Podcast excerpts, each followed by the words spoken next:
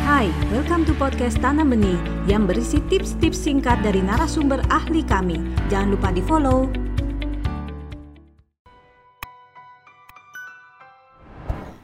Kapan sih sebetulnya seorang anak sebaiknya mulai diajarkan bersosialisasi? Nah, tidak bisa ketika Anda butuh dia untuk bisa baru Anda ajarkan. Keterampilan sosialisasi itu bukan hal yang seperti itu. Ya.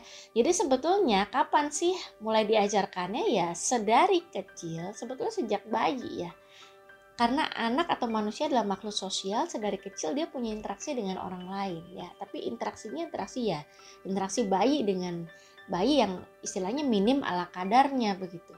Jadi sebetulnya sejak bayi mereka akan memulai interaksi dengan pengasuh utama. Bisa orang tua, bisa mungkin babysitter, bisa mungkin oma gitu ya.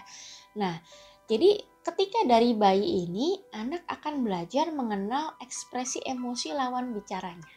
Nah, ini kan penting untuk keterampilan sosialisasinya dia. Ya, dia mengenal juga yang namanya bahasa nonverbal, ketika kecil itu dia bayi dia mengenal juga aturan boleh dan tidak boleh ya kan Anda ketika bayi mau memukul kakaknya misalnya Anda kan pasti katakan no terus kemudian tangannya diambil gitu jadi sebetulnya sejak bayi dari interaksi-interaksi kecil Anda dengan anak Anda sudah mengajarkan keterampilan sosial yang basic dasar sekali gitu ya kemudian eh, mengajarkannya ini berkembang yang diajarkannya ini berkembang semakin kompleks seiring dengan pertambahan usianya anak. Nah, kapan kita mengajarkan sosialisasi dengan teman sebaya? Nah, sosialisasi dengan teman sebaya ini bisa kita mulai ajarkan sedari dini ya. Mulai dari dengan uh, keluarga, keluarga maksudnya uh, sepupu, keluarga yang sebaya begitu ya. Nah, paling lambat kapan ketika anak tidak punya saudara yang sebaya apa yang harus dilakukan paling lambat mulai di usia 2 tahun anak sudah mulai harus diajarkan atau dikenalkan sosialisasi dengan teman sebaya Kenapa? Karena umumnya anak usia 2 tahun ini kan dia mulai mengembangkan ketertarikan pada permainan yang dilakukan oleh anak-anak yang lain. Dia mau involve, dia mau bergabung bermain.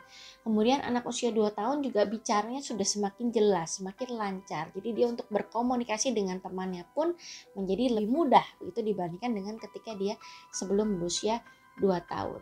Jadi sedari dini bisa diajarkan lewat interaksi dengan saudara kandung atau saudara yang sebaya ya saudara sepupu begitu. Kalau tidak ada ya minimal mulai usia 2 tahun mulai cari-cari teman untuk anak playdate gitu.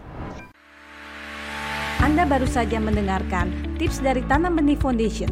Mari bersama-sama kita terus belajar untuk menjadi orang tua yang lebih baik demi generasi yang lebih baik. Jangan lupa follow podcast kami